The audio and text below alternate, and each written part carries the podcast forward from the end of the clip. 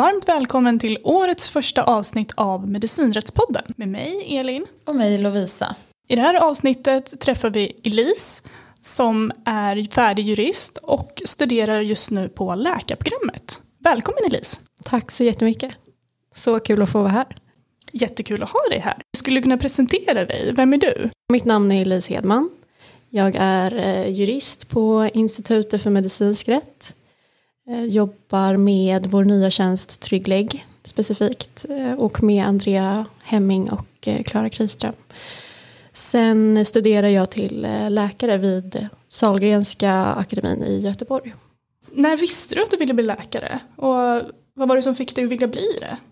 Ja, jag skulle nog säga att det tog ganska lång tid innan jag faktiskt visste att jag ville bli läkare. Det um, har alltid varit solklart för mig att jag ska bli jurist.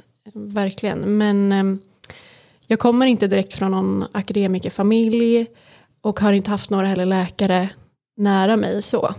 Så det var först när jag var ja, ung vuxen, om man nu får säga så, eh, så blev jag väldigt, väldigt sjuk och fick eh, för första gången kontakt med hälso och sjukvården. Och ganska direkt ändå skulle jag säga att ehm, jag förstod att det var ett sammanhang som jag ville vara en del av.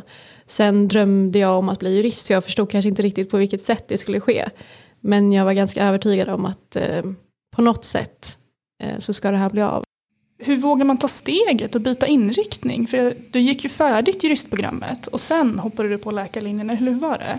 Ja, att byta inriktning kanske inte jag den som ska sitta här egentligen och prata om eftersom att jag jobbar som jurist. Men eh, när jag förstod att jag ville bli läkare så blev det så att jag läste programmen parallellt för att ja, studiemedel räcker inte till för två utbildningar. Um, och hur man vågar det, ja det var absolut någonting som var tufft på det sättet att man kanske blir stämplad som den eviga studenten. Um, och det är väl inte jättekul. Även om båda utbildningarna såklart i samhällsögon har en väldigt hög status generellt. Och det är, inte, det är ingen direkt fyskam att studera till läkare och jurist. Så, och det är ju såklart medveten om. Men ehm, jag tror bara att jag har egentligen sedan jag var liten varit väldigt trygg i vem jag är. Och eh, även om det har varit olika utmaningar eller sådär så har jag på något sätt kunnat landa i ehm, min magkänsla och tro att jag vet vad som är bäst för mig själv. Så det var verkligen olika bud från min omgivning ska sägas. Alltså verkligen familj och vänner. Alla var involverade och tyckte till. Men eh, det slutade nog bara med att jag gick på det jag kände var bäst för mig. Och det är jag ju superglad över idag. Du nämnde det också att det är ju två väldigt akademiskt krävande utbildningar. Hur motiverar man till, sig till att studera båda två och som du sa parallellt dessutom? Ja, um, den frågan brukar jag faktiskt också få. Um, hur jag orkar det. Och ibland undrar jag själv det också. Hur jag orkar det. Men jag tror att mycket bygger på att jag känner mig själv. Och jag är väldigt medveten om min inlärningskurva. Jag är till exempel dyslektiker. Så är det inte så att jag har ett jättebra läshuvud egentligen. Uh, och som många vet så är ju universitetet. Um, det är mycket litteratur att ta sig igenom. Det är tungt material generellt. Men jag tror att jag känner min inlärningskurva så pass bra att jag vet exakt vad jag ska lägga ner. Och jag är beredd att göra det. Och det har funkat väldigt bra eh, på det sättet. Sen vill jag ändå verkligen eh, slå ett slag för eh, fysisk och psykisk hälsa. Alltså jag menar, jag mår verkligen som bäst och mina studier går som bäst när jag tränar ordentligt, umgås med vänner, kanske mediterar lite, så det tror jag är jätte, jätteviktigt också för att man ska orka i längden. Har du någon speciell studieteknik eller så som du använder dig av? Ja, utbildningarna är ju ändå så pass olika. Skulle jag säga. Juristprogrammet är ju inte på samma sätt som läkarprogrammet att du ska lära dig saker utan till utan rätten är ju någonting som förändras ständigt och du lär dig ju mer en metod. Medan läkarprogrammet är det ju absolut att vetenskapen går framåt och därmed blir också andra saker aktuella. Men generellt så är det en lite mer stabil grund skulle jag säga ehm, inom medicin än inom juristyrket. Så studieteknikerna kanske inte riktigt är samma på det sättet. Men jag kör, om man vill ha lite tips så spaced repetition finns en metod som eh, använder ganska mycket. Ehm, det funkar utmärkt på eh, läkarprogrammet. Juristprogrammet var det nog bara att jag eh, la mycket timmar.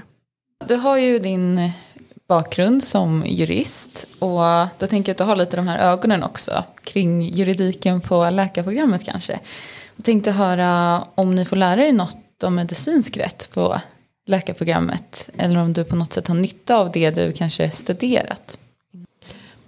Ja, jag vet att eh, vi har juridik eller medicinsk rätt specifikt då i vår läroplan. Så det, det finns verkligen med och tanken är också att vi ska ha det som en del av utbildningen. Och jag tycker att det ges, det presenteras. Men när jag reflekterat över det så tycker jag att det är en väldigt låg nivå egentligen på vad eh, vårdutövare kanske egentligen hade behövt för bakgrund inom medicinsk rätt.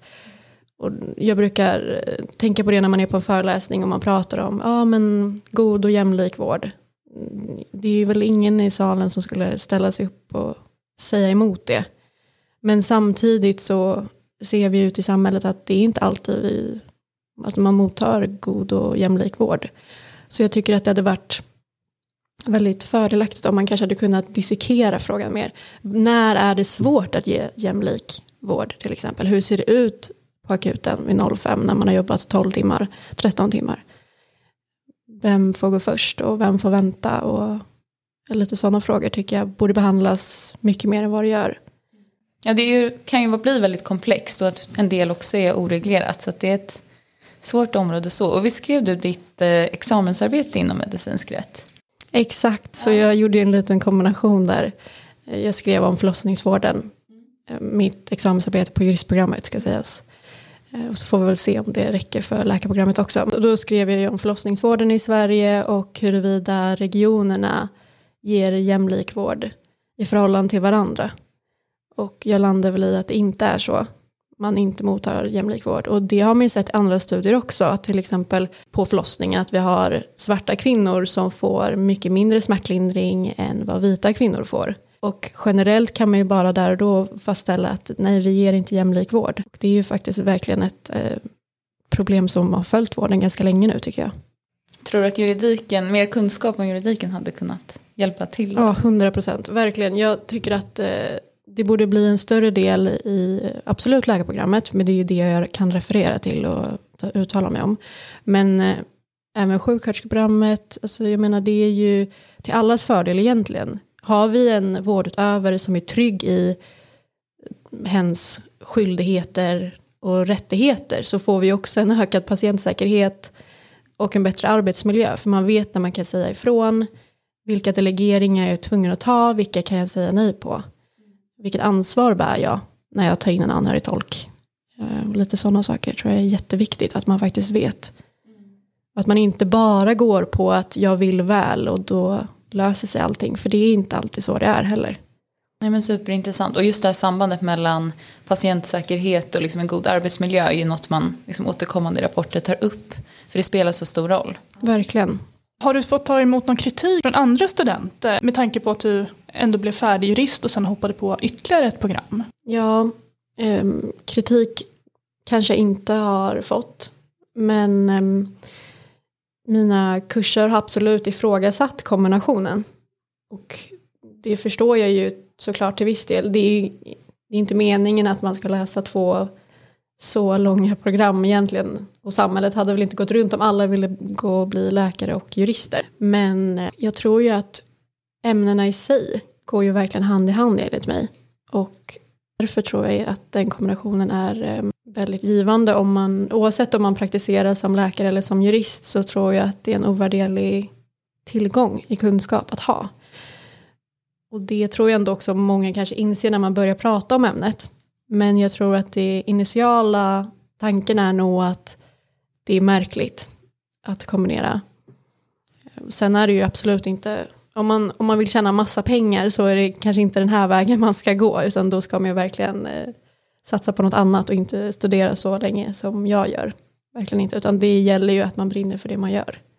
Om man tänker i vårdvardagen, för du har ju ändå gjort praktik kan jag tänka mig, eller hur? Ja, precis. Eh, För det är mycket det under läkarprogrammet. Eh, Har du där haft nytta av att du också är jurist eller har du stött på några situationer där du har haft nytta av det på något sätt eller kunnat upplysa andra kanske? Ja, det måste jag faktiskt säga att det har jag verkligen gjort. Och eh, när jag försöker kanske lyfta frågan, det är också en svår situation för att jag är där som student. Jag ska bli godkänd på ett moment. Och min handledare är också personen som godkänner mig. Sen om min handledare gör på ett sätt som jag eh, där och då förstår inte är rätt ur ett eh, medicinskt rättsligt perspektiv så är det absolut en svår situation att stå inför. Att ska jag öppna upp för den här konversationen nu eller ska jag bara strunta i det? Ofta öppnar jag upp för konversationen, ska jag helt ärligt säga. Jag är inte så konflikträdd.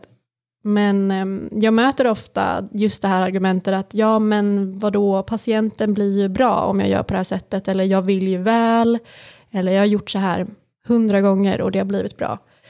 Och det är väl lite där konflikten ligger i också, att många som jobbar inom vården vill underlätta och hjälpa andra människor. Och det är jättebra och det är jättefint och jättemånga uppskattar det. Men jag tror många kanske glömmer bort sig själva och den risken man också tar när man är vårdutövare. Vilket jag glädjeligen tar i framtiden, verkligen ingenting sånt. Men jag tror bara att det är viktigt att veta vart man kan sätta sina egna gränser. För att det är kanske inte alltid värt att ta den risken för varje patient. Då kanske man till slut eh, råkar illa ut själv.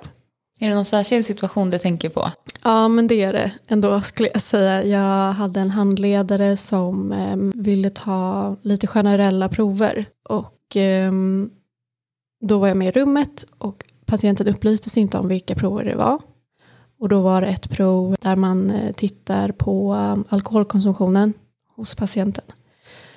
Och då ifrågasatte jag det och ehm, förklarade att det kan ju vara bra att upplysa patienten om att det här provet tas. Det kan ju verkligen uppfattas som integritetskränkande. Det här var inte en inneliggande patient. Ehm, men um, handledaren var bara av den åsikten att jag tycker att det här är relevant och patienten kommer bli hjälpt av att vi tar de här proverna. Och då behöver inte patienten veta vad det är för prover som tas. Det var ganska solklar åsikt och det var, det var ingen åsikt jag kunde rubba där och då. Jag försökte verkligen, ska jag säga. Men eh, det är ganska många sådana situationer just när det kommer till integritet och patienterna. Tycker jag att man märker ganska tydligt. Ja men precis, och där är ju patientlagen ibland väldigt tydlig att man, man ska få information och bli delaktig i vården och samtycka och sådär. Vi som undervisar mycket också i hälso och sjukvårdsjuridik kan ju möta den kring också frågor kring eh, hur man får bereda sig åtkomst i journalsystem. Där man just vill underlätta och ja men vadå jag kan gå in i den journalen det, det, det blir bäst så. Eller man vill följa upp eller liknande. Men där som du är inne på kan man ju faktiskt drabbas själv. Eh, det är ju ett dataintrång om man inte har skäl för att faktiskt gå in i journalen med stöd av liksom patientdatalagen. Ja, det tycker jag också är väldigt intressant för jag tror ju också på att man blir en bättre vårdutövare om man får se hur det har gått för patienten. Jag tror verkligen stenhårt på det. Att hur ska man annars veta om man gjort rätt? Men det är ju inte så lagstiftningen ser ut och det är väl det som jag också tror är en del av problematiken. Att vi har ett glapp mellan lagstiftaren och de som faktiskt arbetar med det, de som är på golvet. Mm. Alla våra undersköterskor, vårdbiträden, sjuksköterskor och läkare, de som faktiskt vet hur det ser ut på våra sjukhus har inte så mycket att säga till om i de frågorna. Och då får vi en lagstiftning som säger nej, du får absolut inte gå in och titta i en patientjournal två veckor efter. Men det hade ju behövts för att kunna resonera kring sitt eget arbete. Det vet man ju själv när man haft andra yrken. Att eh, kunna få lite feedback är ju guld värt. Så är det ju. Och eh, precis, att man där kanske får driva på politiskt eller någonting för att, för att minska det där glappet. Verkligen. Och om man ska koppla an till det tidigare temat med liksom jämlik vård och ja men det står där i lagboken men hur uppnår man det? I verkligheten är det inte lika lätt kanske som de här uttalandena som kan bli svävande. Det är någon där ute som faktiskt ska tillämpa alla de här bitarna. Precis, och det är ju verkligen där det också brister tycker jag i utbildningen. Det låter jättebra, det låter jättefint och alla skriver det på tentan men jag tror att det är få som faktiskt resonerar kring innebörden av det. Också vilket personligt ansvar man faktiskt kan få bära om man inte uppfyller det. Mm. Precis, så där kommer frågor in om dokumentation och allting att, att liksom visa på de åtgärder man gjort, vilka samtycken man inhämtat och sådär. Ja men superintressant. Och eh, vi kommer, kanske att man tangerar lite när du tar upp så brister som du uppmärksammar. För jag tänker med det juridiska perspektivet som du har i och med att du är jurist. Så kanske du också kan ja, men se vart det brister och så. Eh, om man tänker drömyrke, hade det kunnat vara någonting där du kan kombinera båda? Eller är det något som lockar mer? Är det läkaryrket eller juristrollen som liksom väger över? Mm, um, jag vill absolut kombinera. Och annars tror jag kanske inte att det hade varit värt heller för mig att fortsätta dels juristprogrammet, jag hade ju alternativet att hoppa av, eller eh, läkarprogrammet att ens börja det. Om jag inte hade sett mig själv jobba med en kombination av det. Sen eh, hoppas jag att kunna få med lite båda delarna, att jag vill absolut vara patientnära också. Jag uppskattar den kontakten väldigt mycket och tror att jag kan göra nytta där. Samtidigt som jag också tror att eh, min juridiska kunskap och speciellt då inom medicinsk rätt nu genom institutet som jag ändå, den kunskapen jag får här är ju verkligen av stort värde och då kanske man skulle kunna ta någon lite mer övergripande roll ehm, avdelning, enhet och liknande sånt tror jag att jag drömmer om. Ja, jag tror det finns goda möjligheter att kombinera de två. Då är vi vid vår programpunkt Nytt och aktuellt där vi diskuterar nya intressanta avgöranden och beslut. Högsta förvaltningsdomstolen har kommit med en tolkning som gör att förutsättningarna för vad som kan anses vara ett socialt nedbrytande beteende enligt lagen om vård av unga, LVU, eh, har förändrats. Och det här avgörandet är intressant för att tvångsvård då, som är ju ett ingripande som är rätt stort faktiskt i den personliga integriteten ska ju givetvis ha gott stöd i lagen för att man ska kunna använda sig av det. Och det är precis som det gäller i hälso och sjukvården. För att vårda någon med tvång så måste man ha stöd i lag. Annars så är det frivillighet och samtycke som gäller. Och i det här fallet handlade det om en 15-årig pojke som eh, höll sig isolerad i hemmet.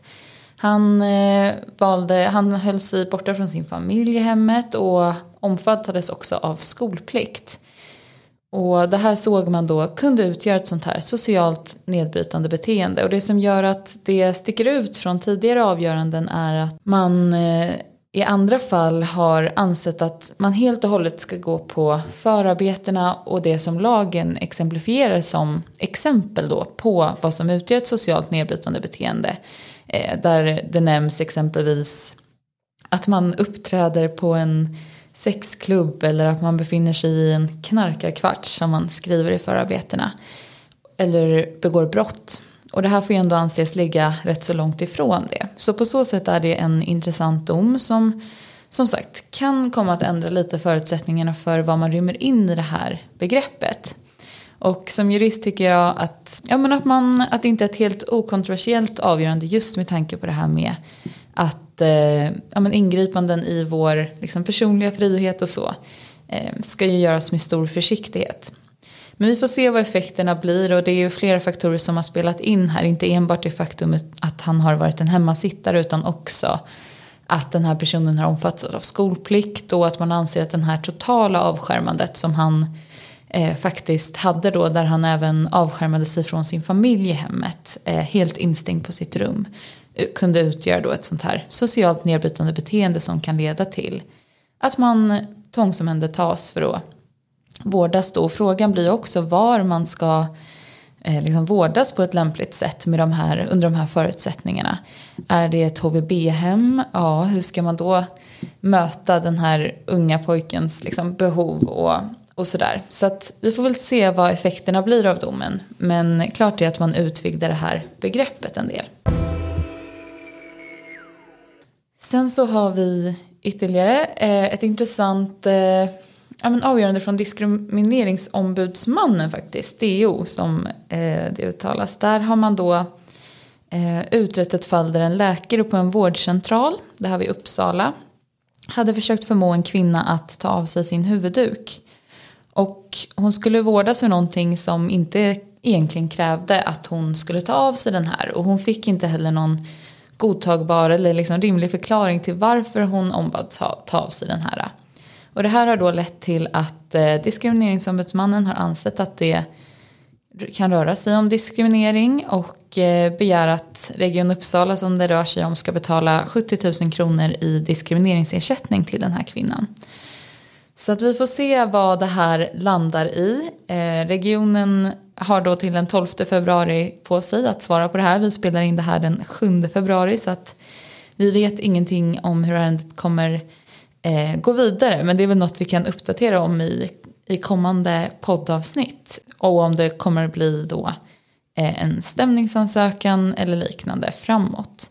Men det är ett intressant fall som visar på att vikten av att när man ber om sådana här saker att man faktiskt då också har en förklaring till varför.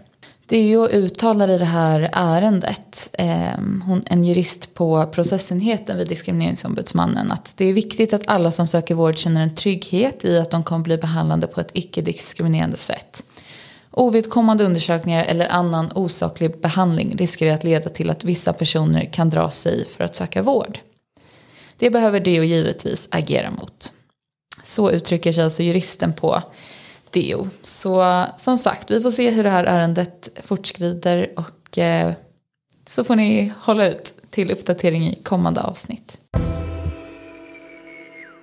Men du nämnde ju här inledningsvis att du jobbar med Trygglägg eh, och där får du faktiskt möjlighet att kombinera bägge delarna. Vill du berätta lite mer om, om vad det är för någonting? Absolut. Trygglägg är en eh, ny tjänst hos Institutet för medicinsk rätt som eh, riktar sig till de som är ute på golvet. Och det är lite den här luckan mellan lagstiftaren och utövaren som man vill fylla. Vi vill inte ha massa vårdutövare som går runt och har frågor som man kanske känner så här. Absolut, det finns en jurist på sjukhuset. Men när ställer jag frågan? När ska jag ta tid från mitt pass och gå dit och fråga den här lilla, lilla frågan som man kanske uppfattar själv som eh, obetydlig eller liknande. Det kan vara svårt att bedöma själv vad som är viktigt att eh, gå vidare med och inte. Och då är den här tjänsten uppbyggd på det sättet att vi har hundratals frågor i en frågebank dels direkt tagna från verkligheten. Alltså vi har ehm, haft eh, vårdutövare som har skickat in de här frågorna. Och sen också frågor som vi har identifierat som jurister. Som kan bli lite problematiska eller svåra att hantera. Är det någon fråga som du märker liksom ställs mycket? Och vad skulle det kunna vara? Eh, dokumentation är ju, jag tror att det är svårt. Och jag tror också nu med GDPR att det, man, man hör om alla sanktioner och man är rädd för att göra fel. För att man vet att det kan bli dyrt. Så där tycker jag ändå att det är, är ändå en stor kunskapslucka. Eh, måste jag säga. Och sen hoppas ju vi att det här ska kunna fylla den luckan. Och att man lättillgängligt ska kunna hitta svar på en fråga. Hur får man mer information då om man är intresserad av att eh, ja, men upptäcka trygglägg? Då får man absolut mejla mig direkt får man eh, jättegärna göra. Men också mina kollegor Andrea Hemming och Klara Kriström också. Eller ta kontakt med Institutet för medicinsk rätt som eh, eh, tillgängliggör tjänsten. Tack snälla Elise för att du har varit här hos oss idag. Tack själva. Om ni vill veta mer om Trygglägg så finns det länk i beskrivningen och även Elise mejladress så ni kan mejla henne.